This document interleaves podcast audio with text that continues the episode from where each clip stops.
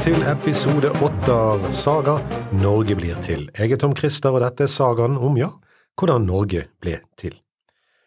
Harald Hårfagre står nå ved Trondheimsfjorden. Som en norsk versjon av Djengis Khan har han brent og massakrert seg ned fra Dovre gjennom Oppdal. Folk har flyktet foran han, og det er ikke før i Orkdal at kong Gryting klarer å organisere et forsvar. Det kollapser, og ender med at kongen går i Haralds tjeneste. Nå står Harald og Guttorms, og kanskje også Grytings, styrker ved fjorden og ser ut. De ser ut mot drageskipene som stevner inn fjorden. Om bord en mektig mann.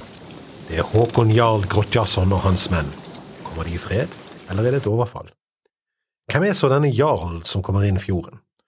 Dette er en av de rikeste menn i landet. I en tid eh, da det var konger nesten på hvert nes, kalte han seg likevel jarl. Jarl var en mektig tittel, men som oftest en som ble gitt av en konge til en annen.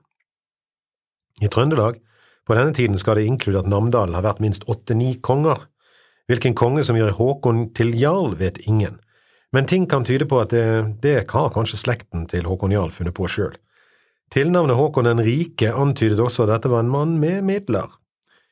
Det er noe som tyder på at Håkon jarl er annerledes enn mange av de andre stormennene i området. Det kan virke som han egentlig sto i spissen for et slags stort handelshus. Et stort handelshus i Trøndelag? Er det noen som ser parallellene? Kanskje det er derfor Remareitan har lagt så stor vekt på Ladejarl-koblingen. Men Håkon er en outsider, en slags eh, nesteninnvandrer til Trøndelag. Det kan være grunnen til at han ikke har tatt seg en større tittel. Ennå er ikke slekten hans så integrert i stormannsslekten i Trøndelag at han har tilstrekkelig støtte til å ta seg kongsnavn. Slekten holder nå til på Agdenes, like ved utløpet av, av Trondheimsfjorden, men rett på innsiden av det som den gang er Møre og Romsdal, eller Nordmøre. Og det er faren som er den første generasjonen som har bosatt seg der. Det har han sannsynligvis gjort for å kunne drive handel og trygge handelsrutene sine. Men kjøpmenn var ikke nødvendigvis så vel ansett den gangen hm, heller. I det hele tatt har Norge og nordmenn hatt et trøblete forhold til de som kjøper og selger og ikke lager, men det er en annen historie. Denne dagen må Håkon veie mulighetene mot hverandre. Han kan ta opp kampen med Harald og kanskje redde de resterende trønderkongene og dermed sikre seg deres takknemlighet, eller han kan, ta hevn over det at trønderne ennå ikke helt har godtatt han og familien hans, og gå med Harald og ta sin del av krigsbyttet. Det som er sikkert, er at handelsmannen Håkon vil veie alternativene nøye og ikke falle ned på noe før han vet hva han har å vinne og tape. Slekten kommer nok opprinnelig fra det som kalles Hålogaland eller Nord-Norge. Som det fortelles blant annet av Otter til Alfred den store, drev stormennene der nord en lukrativ handel med skinn, blant annet gjennom å handle med samer og finner og transportere dette til markedene i sør. Og det er også det Håkon Jarl gjør. Men det var en risikabel handel, uten noen form for organisert stat, ordensmakt eller egentlig lovverk, så var det vanskelig. Det sies at hver vestlandsk stormann, og Vestlandet denne gangen strakk seg langs hele vestkysten av Norge, var sjørøver av profesjon på denne tiden. Det var sannsynligvis derfor Håkons far hadde satt seg fast så langt sør han turde, ved innløpet til Trondheimsfjorden ved Agdenes. På den måten kontrollerte han handelen nordover inn fjorden, og kunne kreve skatter eller en form for bompenger av denne trafikken. Det kan synes som om slekten hadde en slags kontroll og overherredømme over denne handelen gjennom sine eiendommer og forbindelser nordover. Men møringene var et problem rett ved utløpet av fjorden. Det var med andre ord ikke en familie som lot seg blende av titler. Her handlet det mer enn, om mer håndfaste ting. Her handlet det om, ja, penger i datidens form. Det gjør Harald litt mer interessant for Håkon. En konge med et prosjekt om å ta hele landet under seg kan gi den orden og ro som en handelsmann trenger. Dersom plyndring ble en forbrytelse ikke bare mot handelsmannen, men også mot kongen, mm, da kunne det skapes helt nye muligheter. Det er også en av de lovene Harald opprettholder med hard hånd, at det er ulovlig å plyndre innenlands. Det var helt greit å plyndre i andre land og riker, faktisk oppfordrer han til det, men ingen skit i eget reir, takk. Handelsmannen Håkon skal altså møte krigerkongen Harald, men forskjellen er kanskje ikke så stor som det høres ut. Som en skjønner, måtte en være både det ene og det andre i den tiden. Handelsmann, bonde, fisker, kriger. Skulle en overleve, måtte en multitaske. Når det var oppfattet som helt ok å plyndre og herje, måtte en kunne slåss for å beholde det som var sitt. Der finnes også en helt annen versjon av denne historien, i den såkalte Fagskinna, der Haralds menn etter å bli kastet ut av Sogn kommer nordover og nærmest i nøden ber om hjelp, langs kysten. Jeg får imidlertid ikke dette til å stemme. Det virker så hodeløst og ukarakteristisk at det skal bli kastet ut av Sogn, for så å seile rundt Stad av alle ting og nord til Trondheimsfjorden forbi hele Møre og Romsdal, og så plutselig få hjelp til å seile tilbake igjen, forbi igjen Mørekysten, og forsøke å erobre Sogn tilbake. Det virker komplisert og lite usannsynlig. Ikke minst fordi Sognefjorden ikke er så fryktelig attraktiv som bytte, bytte egentlig. En skal huske at sjøen gikk høyere i de dager, og fjorden har et enda smalere belte av land langs sjøen som er egnet for landbruk. Men den er lett å forsvare, smal som den er, og lang, og det skal Jarl få føle seinere. Vi holder oss derfor til Snorres versjon her, og dermed står nå Harald og hans menn og venter i fjæra og føler, mens Håkon, Håkons skip kommer stadig nærmere. Har noen snakket sammen? Kanskje. Det er i alle fall slik at de to mennene ikke er helt ukjente for hverandre. De har aldri møttes, men alle i Norge som følger med, har hørt om Håkon Jarl, og likeså om Harald Hårfagre, selv om de kjenner han som Dovrefostre. Likevel, det er ikke helt sånn at de kan være sikre på hvem det er som står der og venter. Håkon blir rimelig sikker når han ser ravnebanneret til Harald, og noen av Haralds folk vil kjenne merket til Håkon. Ikke minst vil de det som nettopp har sluttet seg til ham, som for eksempel kong Gryting, og Gryting kjenner jarl, både omtale og utseende. Det er litt vanskelig å se for seg hvordan det eventuelt skal ha gått sendebud mellom Harald og Håkon før Harald kommer ned i Trøndelag. Det var jo måter å få det til på, slik som da Haralds menn ble sendt for å fri til Gyda. Men likevel, hva skulle få en i Trøndelag i denne tiden til å stole på en opplending han aldri hadde sett, men knapt hørt om? Sannsynligvis var det lite som var avtalt på forhånd, og dersom en av de viste svakhet, ville alt som eventuelt var avtalt, bli reforhandlet med sverd. Så Håkon må vise styrke når han kommer inn fjorden, og alle kildene er enige om at han kommer med mange menn. Det i seg selv er en utfordring. Det skal bare en liten gnist til for å sette fyr på denne situasjonen, der to fullbevæpnede styrker kommer så nær hverandre. En litt ivrig eller litt slapp bueskytter, og helvete er løs. Håkon tenker nok sitt når han ser røyken fra branner og likbål. Er dette en mann jeg kan gjøre handel med, eller, eller må jeg slåss? Noen rykter han hørt fra sine kilder i Orkdalen. Kong Harald tok odelen fra bøndene, men han økte de skattene jarlene kunne ta. Kanskje det var noen muligheter her. Med stor risiko for eget liv og helbred gir jarlen signal og ber om å komme fredelig i land. Harald og Guttorm gir han lov. Det som så skjer, har vel egentlig jarlen og hans jevnbyrdige hos Harald, Guttorm, sitt merke over det hele. Guttorm vet at de selv ikke har skip, og de har dårlig tid. De kan ikke kjempe mot alt og alle på en gang, spesielt ikke mot noen med tilgang på skip, penger og folk som Håkon Jarl. Guttorm vet de trenger inntekter og ressurser og forsyninger, og samtidig vet han at så lenge Harald kan kalle seg konge og få inntektene det medfører, så er det greit. Landet vil trenge jarler, det tar for lang tid å reise mellom landsdelene til å styre alt direkte sjøl. Håkon på sin side bryr seg mer om ressurser og inntekter enn titler. Han ser aldri ut til å ønske seg en høyere tittel enn den han har, men han må ha forsikring for at avtalen skal holde. Guttorm sjøl har en interesse i å få en avtale. Han kan se ut som han har fått nok av hele dette sinnssvake prosjektet, spesielt etter massakren i Oppdal. Men han må sikre at Haralds øyne er rettet mot videre erobringer, slik at han sjøl kanskje kan få konsolidere sin makt som jarl i Innlandet. Så når Håkon jarl, Håkon den rike, gjør strandhogg denne morgenen, og hans skip glir ut av morgentåken og inn mot stranden, stille, stille, den eneste lyden som høres, de dempede plaskene fra årene som treffer vannet, men skipet hans dreier inn mot land. Snart skraper sanden mot bunnen av båten, og Håkon går i land. De fleste trekker et lettende sukk. Håkon er kommet for å snakke, i alle fall i første omgang. Her treffes nå kanskje tre menn som har Norges skjebne og historie i sine hender, Harald Hårfagre, Guttom Sigurdsson og Håkon Jarl. Der utveksles gaver, og nå vet alle at dette er et stevne for å finne et forlik, en ordning og ikke et møte for å avgjøre hvor striden skal stå. Handelsmannen Håkon skjønner snart at han må trå varsomt med Harald.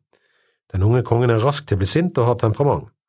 Han ser at denne ynglingen fort kan bli, finne på å gjøre ting han senere vil angre på, og er en farlig og uberegnelig motstander.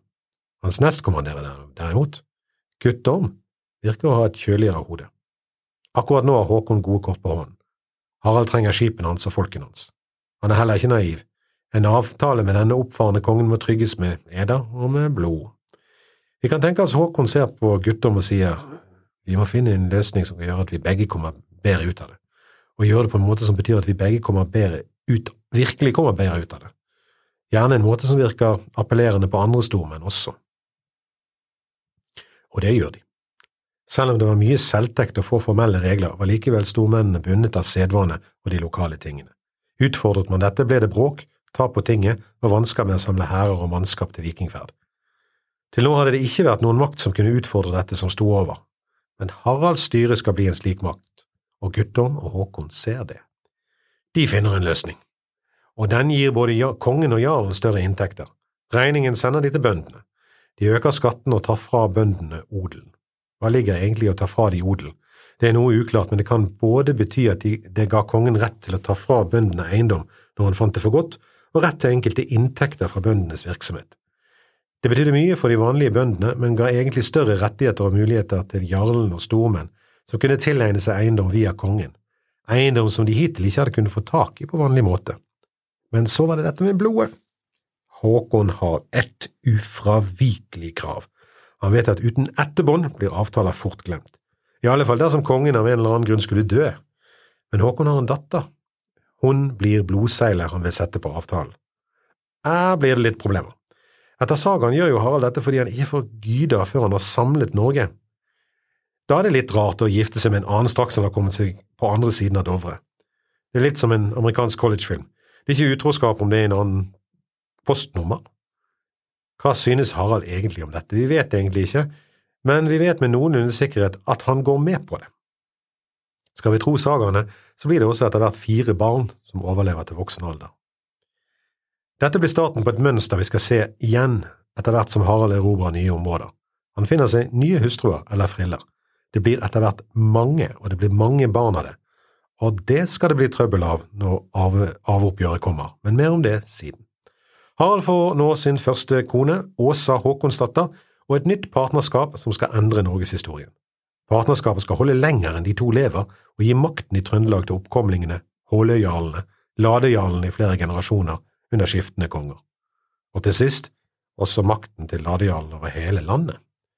Håkon og Harald sverger nok eder og gir hverandre hånden, og Håkons datter og Harald holder bryllup, og Åsa slår følge med Harald, det vil si, det er egentlig Harald som slår følge med Åsa.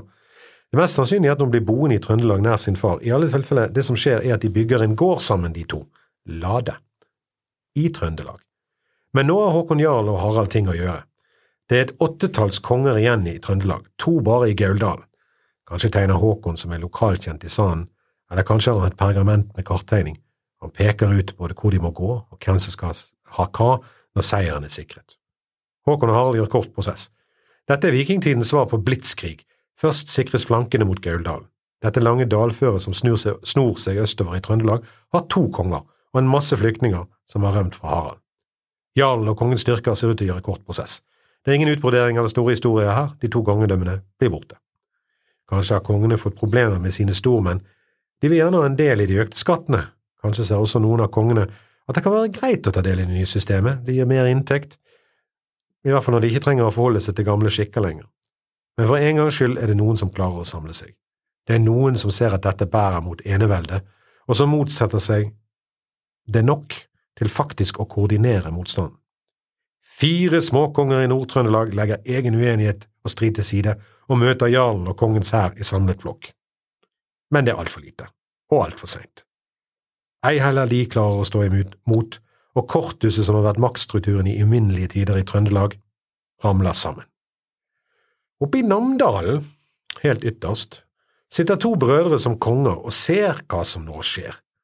Som konger vet de at de ikke kan underkaste seg uten videre. Det vil føre skam over dem. Er du konge, så forventes det at du i hvert fall forsøker å forsvare riket ditt til alt håp er ute. Kanskje var det derfor Håkon Jarl aldri ville bli konge. Det var liksom litt lite handlerom. De skjønner at de ikke har så mye å stille opp, disse to brødrene i Namdal, mot de samlede styrkene som nå nærmer seg. Hittil har ingen vært sterke nok alene til å utfordre de, men nå kommer både Håkon og Guttorm og Harald, og nå er situasjonen en annen. Den ene orker ikke tanken på å se hæren sin slaktes ned, og heller ikke skammen ved å gi opp. Han velger en utvei som på et merkelig vis anses som å gi heder. Han gjør et slags selvmord. Ikke ved å falle på sverdet som hake. Nei, dette er ikke den romerske metoden, dette er en virkelig norsk en. Han bygger en stor haug, gravhaug, fyller den med mat og drikke, et slags stabbur, og går inn sjøl og stenger utgangen, og der blir han værende, og der forgår han. Og han dør inni haugen og blir borte og går ut av historien og inn i haugen. Broren derimot er en skikkelig luring. Han er en luring. Når han jo i praksis har kontroll over hele Namdalen nå, og den har han jo ikke tenkt å gi fra seg, så har han i hvert fall tenkt å komme fra dette med æren i behold, men først og fremst med livet i behold. Oppå gravhaugen til sin bror setter han opp et kongssete og et jarlesete ved siden av. Så velter han seg sjøl ut av kongssetet over i jarlesetet og utnevner seg sjøl til jarl. Han abdiserer rett og slett, ved velting. Deretter underkaster han seg Harald som jarl, og en jarl som nå underkaster seg en konge, ikke en konge som må slåss mot en konge. Det er liksom helt greit etter datidens æresbegreper, for en jarl står selvfølgelig under en konge, så det er ingen skam i det. Han berger liv, han berger gård, han berger grunn, og faktisk litt mer òg, for broren er jo forsvunnet inn i haugen. Hvilken rolle han spilte i akkurat det, vet vi ikke, men en person som er såpass utspekulert og velbevandret i datidens seder, lover og skikker, vil jeg ikke holde for god til at han kanskje har hm, gitt sin bror noen strategiske små puff i retning haugen. Inne er han, og utgangen er stengt, og nå er Namdalen hans. Etter en god handel, et ekteskap og åtte slag er Trøndelag vunnet. Nå er det på tide med en liten pause før neste slag.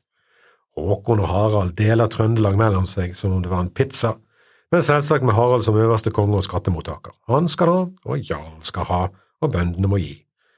Norges rikeste mann blir rikere, og Harald får en kone, verdifulle landbruksområder, tilgang til sjø og en flåte, skatteinntekter for Hålogalandshandel, indirekte kontrollerer han nå Innlandet, Trøndelagene og Nordland. Hva nå? Han har jo fått seg en kone, så kanskje ikke Gydas ultimatum betyr så mye lenger. Men mellom hans arverike i Sogn og hans nye rike i Trøndelag ligger en irriterende tårn. Møre og Romsdal og fjordene ligger klemt inn derimellom, og de ligger og stenger litt for Håkon Jarl ut av Trondheimsfjorden. Det hadde vært en tanke å fjerne stenget og tette gapet, ikke sant? Men én ting må han gjøre først, noen må styre Innlandet i hans fravær. Han har egentlig bare én han stoler på nok til å gjøre det. Nå sendes Guttorm hjem. Mye tyder at Guttorm nå har oppnådd akkurat det han ville, han blir nå den reelle herskeren i Innlandet, jarlen over Innlandet. Det var det for denne gang. Takk for at du lytter til podkasten Saga Norge blir til. Du kan sende spørsmål eller kommentarer til tom.christer.gmail.com, og gjør endelig det. Neste gang får vi høre om Harald får hvile på sine laurbær, eller om han vil videre, og hvordan går det når hans trofaste våpendrager Guttorm ikke er med han lenger. Vi avslutter med et ordtak fra Håvamål, denne gangen igjen om faren ved å drikke for mye. Bedre bør du ber ikke bakker, men mannevit mykje. Med låkere niste du legg ikke i veg enn ovdrykkje med øl. Vi ses snart igjen.